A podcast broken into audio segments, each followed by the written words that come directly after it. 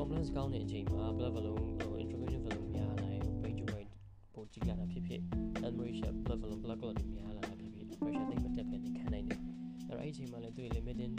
ဟို value တစ်ခုရှိတယ် limiting value တွေများလာတဲ့အခါဖြစ်ဖြစ်ဒါမှမဟုတ် sorry ရဲ့ brain disease တွေရှိနေလို့ intracranial compliance မကောင်းတဲ့အချိန်မှာဖြစ်ဖြစ် pressure နဲ့နည်းတက်ပြီဆိုရင်လည်းတကယ်ကို fatal event တွေရသွားတာမျိုးဖြစ်နိုင်တယ်အဲ့တော့ CSA မှာကျွန် pressure ရှိတဲ့ arterial pressure တွေ central venous pressure တွေမှာလည်း wave form တွေတွေ့ရတယ်လို့ CSF မှာရော wave form ရှိလားဆိုတော့ CSF မှာလည်း wave form တွေရှိတယ်အများအားဖြင့်တော့ကျွန်တော် CSF wave form တွေ P နဲ့ပြောတယ် P1 P2 P3 ဆိုပြီးတော့ wave form တွေရှိတယ်အဲ့တော့ CSF wave form တွေသုံး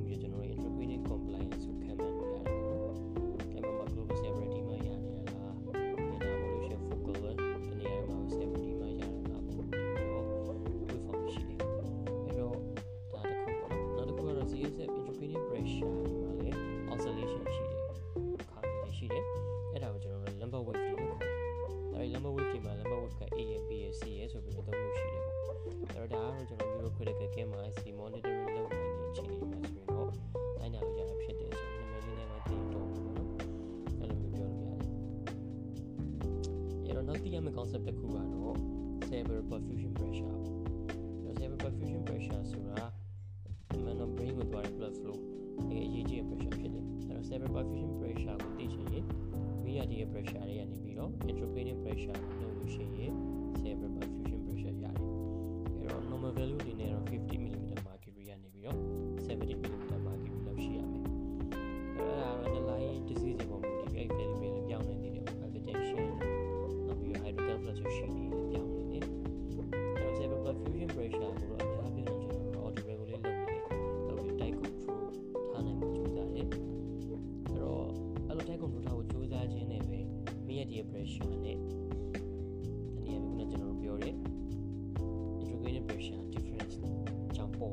ပေါ်လာတဲ့ cerebral perfusion pressure equation ညီမျှလေးမဟုတ်တော့ဘူးဖြစ်နေတယ်။ဒီနေရာမှာမိရတဲ့ pressure များလေများလေ perfusion pressure များလေလို့ပြောလို့မရဘူးလို့ intracranial pressure အဲများလေများလေ perfusion pressure ကျတယ်လို့လည်းပြောလို့မရဘူး။ complex relationship တစ်ခုဖြစ်နေတယ်။ brain ကလည်း auto regulate ထားလို့ကြိုးစားတဲ့ခါကြတော့ပေါ့နော်။တကယ်လို့ blood brain ကိုသွား blood flow နေနေတယ်ဒီနေရာဖြစ် in a state of cerebral hyperperfusion ဖြစ်တဲ့အချိန်မှာဘာဖြစ်မလဲဆိုလို့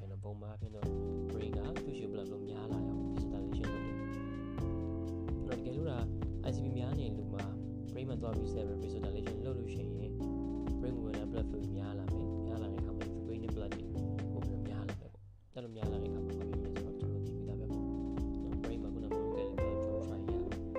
component တွေများလာရင်နောက်တစ်ခုက topic တွေပဲကျွန်တော် component ဆိုင်ကိုကောင်းတော့ဘူးဖယ်စရာလည်းနေရာမရှိဘူး platform များလာပြီဆိုရင်ကျွန်တော်တို့ ICP တက်လာတယ်လို့ပြောလို့ရတယ်အဲ့လိုအချိန်တွေမှာဆိုရင်တော့ server platform များလေးများလေး server sorry server platform နည်းလေးပေါ့ hyperperfusion ဖြစ်နေဖြစ်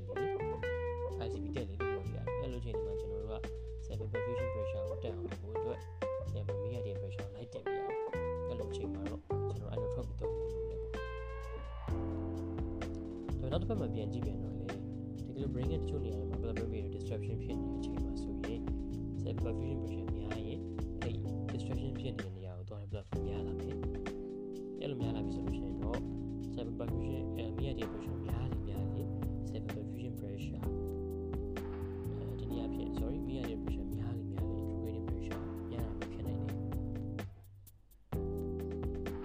ယ်အဲ့ကျတော့ကျွန်တော်တို့ကအကျဉ်းမြင့်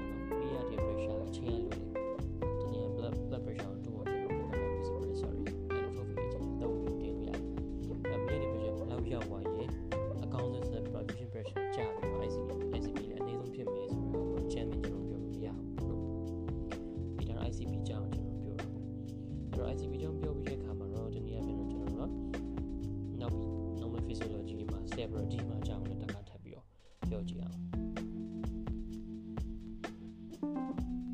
အဲ့တော့ cerebral edema ဟာဘာလို့ဖြစ်တာလဲဆိုတော့ဒီနေ့အပြင် ICP တဲ့အကြောင်းပြချက်တွေအများကြီးရှိတယ်ဒီအကြောင်းပြချက်အများကြီးကြောင့်ဘာဖြစ်လဲလဲဆိုလို့ရှိရင် brain ရဲ့ brain တိုင်းမှာ excess water တွေပို့လာတာကိုကျွန်တော်တို့ cerebral edema လို့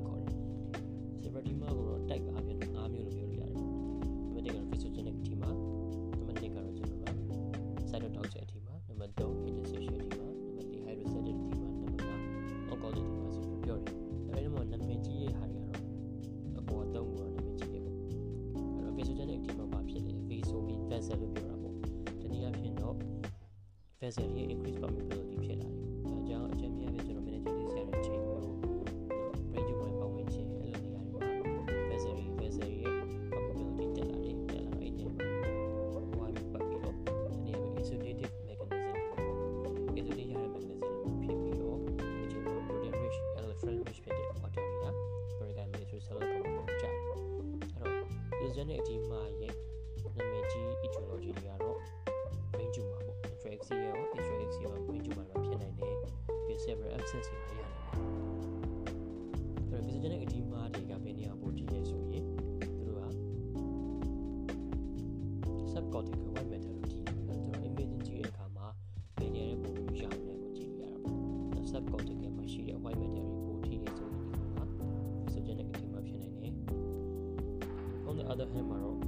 cytotoxic edema ရှိတယ် cytotoxic edema တွေကတော့တနည်းအားဖြင့် cell injury ရလို့ပေါ့ water က extracellular ဒီမှာရှိတဲ့ extracellular space တွေပြီးတော့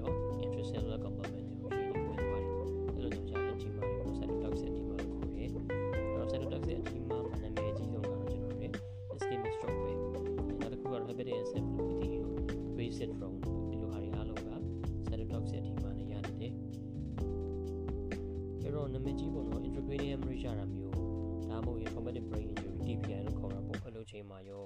ဘယ်လိုမျိုးတိုက်ပေါ်ဒီမှာလေးဆိုရင်တော့အဲ့ဆိုတော့ပြောရဖြစ်တယ် mix city မှာဖြစ်နေတယ် cytotoxic ဒါမှမဟုတ်ရင် physiogenic edema ရောနေရဖြစ်နိုင်တယ်အဲ့တော့ cytotoxic edema တွေကတော့ဘယ်နေရာကိုထိများလဲဆိုရင်သူတို့ကအဓိကတော့သူက gray matter ကို white matter ကိုထိတယ်ထိရတဲ့ကြောင့်ကျွန်တော်တို့က gray white distinction တွေပျောက်သွားတယ် loss of gray white attenuation ဆိုပြီးသုံးတယ်လေအဲ့ဒါဘာကိုပြလဲဆိုရင်တော့ cerebral edema ရနေပြီလို့ပြတာပါအဲ another causes of edema ကိုကျွ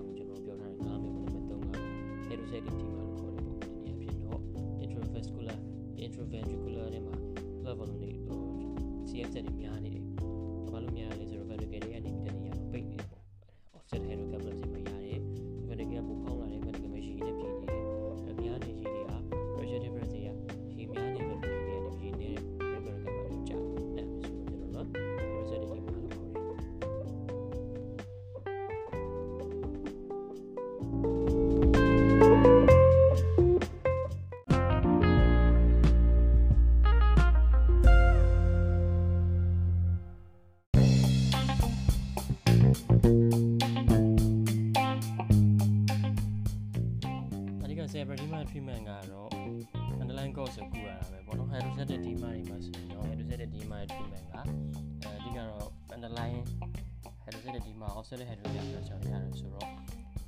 external ventricular drain လို့ဟာမျိုးထည့်ဖို့လိုတယ် physiologic နဲ့ edema နဲ့ cytotoxic မှာဆိုရင်တော့ physiologic နဲ့ edema ကကိုယ်ကတော့နည်းနည်းပြီးတော့ treatment response ကိုများတယ်ပြောကြတယ် cytotoxic ကတော့ treatment response မကောင်းဘူးဘာလို့ဆိုတော့ cell တွေနဲ့ brain နဲ့ texture ဖြစ်နေတယ်ကျွန်တော်တို့ရဲ့ osmotherapy လို့ဟာမျိုးနဲ့တော့မတည့်အဆင်မပြေဘူးပေါ့နော်အဲ့တော့အများကြီးတော့ဒီ physiologic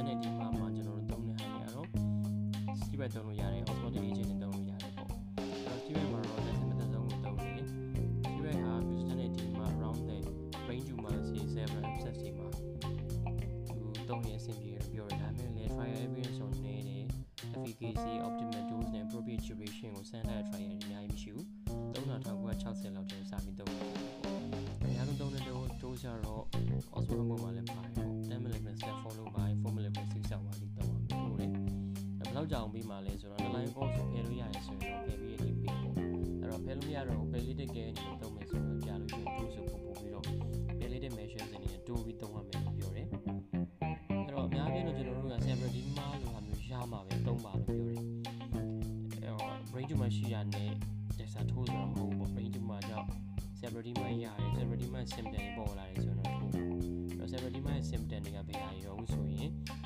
အဓိကတော့ headache ပေါ့ headache ရလာတာနောက် conscious level ကျလာတာမျိုးဆိုရင်သုံးသင့်တယ်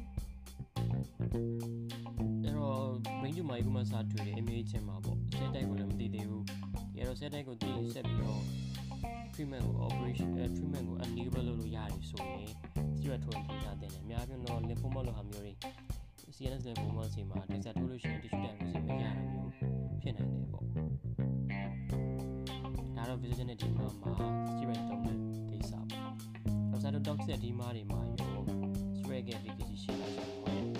တော့ not recommend ပါပဲအဲ American Heart Association ရဲ့ cerebral and cerebral function with swelling ဆိုတဲ့နေရာမှာ routine use routine use of dexamethasone was not recommended ဆိုပြီးရေးထားတယ်အဲ ICH မှာလည်း severity မှာရရင် routine use of severity ဟို steroid က not recommended အဲတော့ steroid ကိုအကြမ်းမြင်ပြောရင် steroid တွေက vasogenic edema တွေမှာလို့ရှိရင် cytotoxic edema တွေမှာတော့ efficacy မသိကြဘူး အများကြီး not recommend လို့သုံးပြီးတော့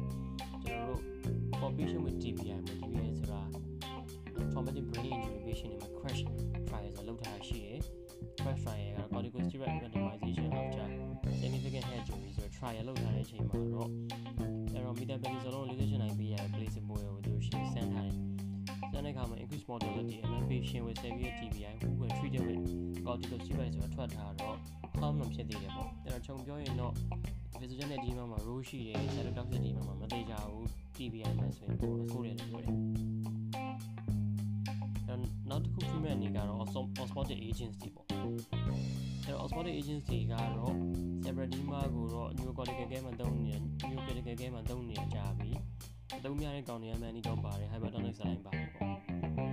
အဲတော့ hypertonic saline ကိုသုံးမယ်ဆိုရင်တော့သူ့မှာအဓိကဖြစ်နေကျွန်တော်တို့ concentration အများကြီးရှိတယ်2% 3%ကနေ23.4 3.4% saline ထိရှိတယ်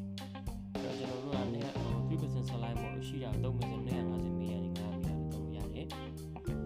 အဲ23.4 saline ဆိုလို့ရှိရင်တော့30 ml ပို့လို့ဆို every 10 to 15 minutes ထိုးလို့ရတယ်အဲ့တော့ဒီကောင်တွေအကုန်လုံးက hypertonic saline solution တွေဖြစ်တဲ့အတွက် phlebitis ရနိုင်တယ်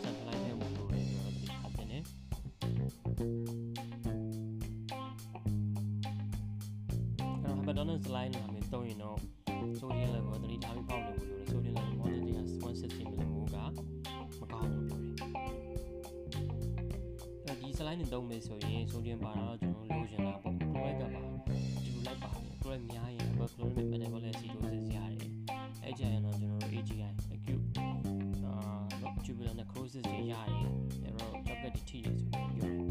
ပြောတယ်တော့ဒီ balance solution တွေမှာ acetate ပါတယ် bufferin hypertonic saline တွေလည်းတော့ရင်တော့ခုနလိုမျိုး cost effective ဖြစ်တဲ့နေတယ်လို့ယူဆတယ်ပေါ့ဒီကောင်က hypertonic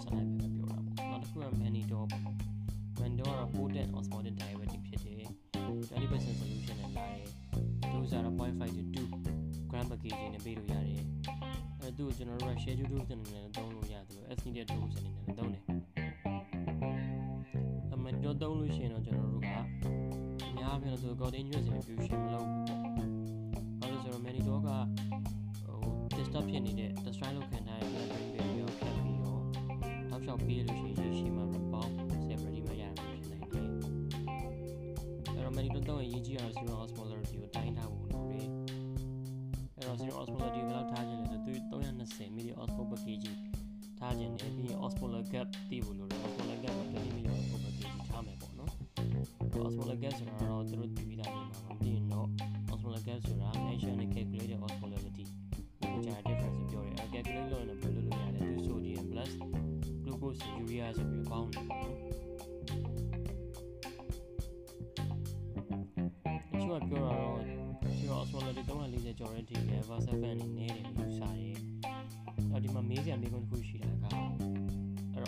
osmotherapy သုံးတော့မယ်ပေါ့ osmotic agent နဲ့သုံးမယ်ဆိုရင်ဘယ်အောင်သုံးရမလဲ saline သုံးရမလား mannitol သုံးရမလားဆိုရင် clinical context ပေါ်မူတည်ရလို့ပြောတယ်အဲ့တော့ traumatic brain injury မှာတော့ saline ကပိုကောင်းနေဆိုပြီးတော့ပြောတယ်အဲ့ကျွန်တော် medical case patient တွေမှာဘယ်ဟာပိုကောင်းလဲဆိုတော့ trial မရှိဘူးအဲ့တော့ patient ရဲ့ fluid status ပေါ့ patient က balloon balloon ဖြစ်နေလားအဲဒါမှမဟုတ် diabetic fat လိုလားအပြင်ကနေ fluid ထည့်ဖို့လိုလားပေါ့လေချိန်မှုလိုလို့ပေါ့အဲ့တော့အပြင်ကနေ fluid လိုနေလူနာတွေမှာဆိုရင်တော့ saline ကပိုကောင်းတယ်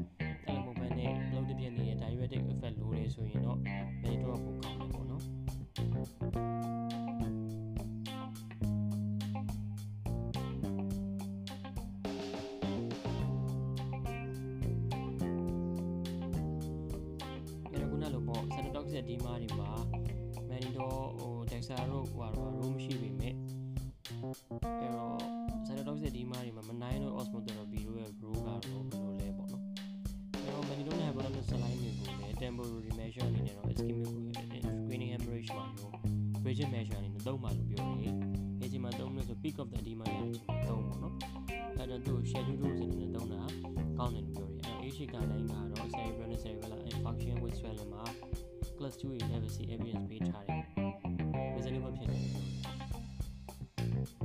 ။တော့ clinical deterioration မရှိဘဲနဲ့ stroke ကို ICU ကိုကြည့်လို့မနိုင်ထဲပါဆိုတော့မသိဘူး။ဘယ်မရှိဘူး။။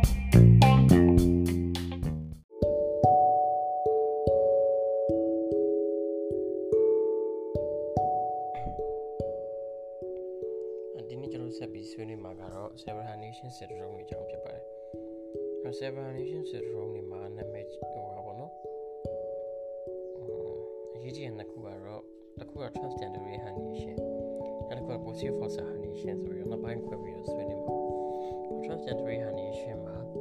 ဒီက Dentarius cerebri ကိုအခြေခံပြီးတော့ Dentarius အပေါက်ကနေပြီးတော့ Superdentary muscle ဖိချတဲ့အတွက် medial temporal lobe angus ပေါ့ temporal incisor ကနေပြီး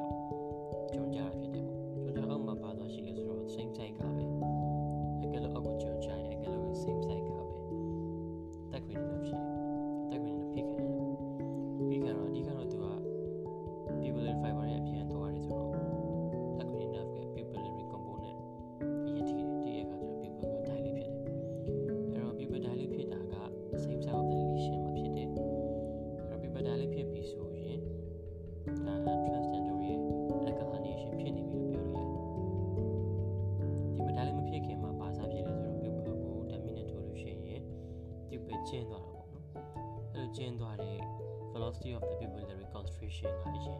နှိမ့်သွားတယ်တဲ့အဲ့တော့ကျွန်တော်တို့ pupil ကိုကြည့်နေရတယ်ပဲ transdentary herniation ရှာနေရတော့မှာလားရနေပြီလားပေါ့ဘယ်လောက်ဆိုးလဲဆိုပြောလို့ရတယ်အဲ့တော့ရကနေပြီဆိုလို့ရှိရင် pupillary constriction ဖြစ်တဲ့ velocity နှိမ့်သွားမယ်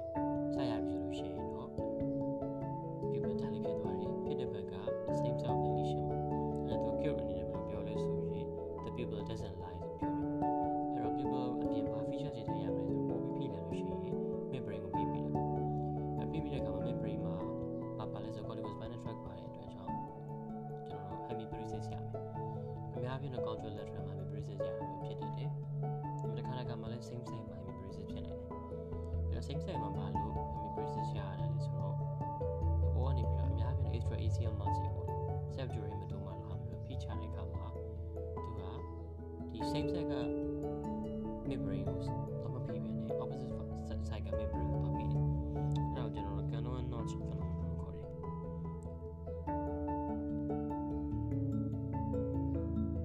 အဲ့ဒီကတော့ membrane က lateral displacement ဖြစ်သွားတယ်ပေါ့နော် contralateral saber beating ကိုဖိမိတယ်ဖိ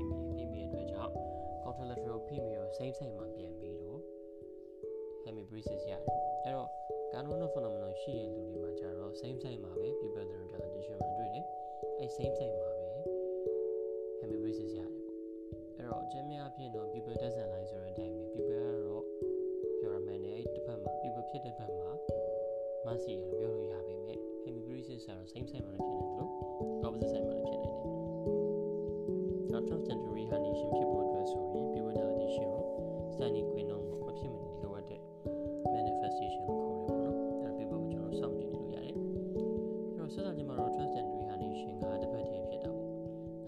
ထပ်ဖြစ်လာလဲဆို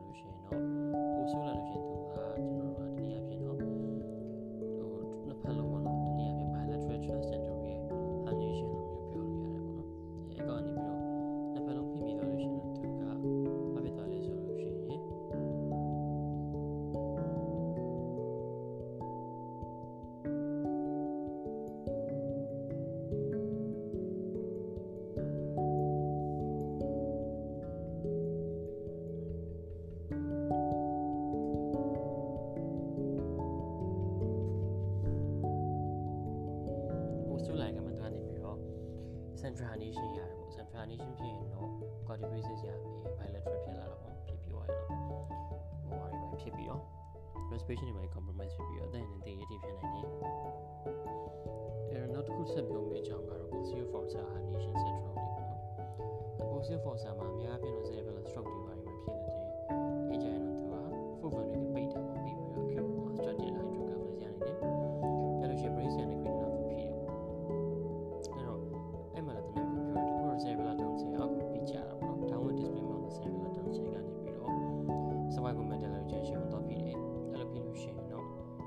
changes my mind.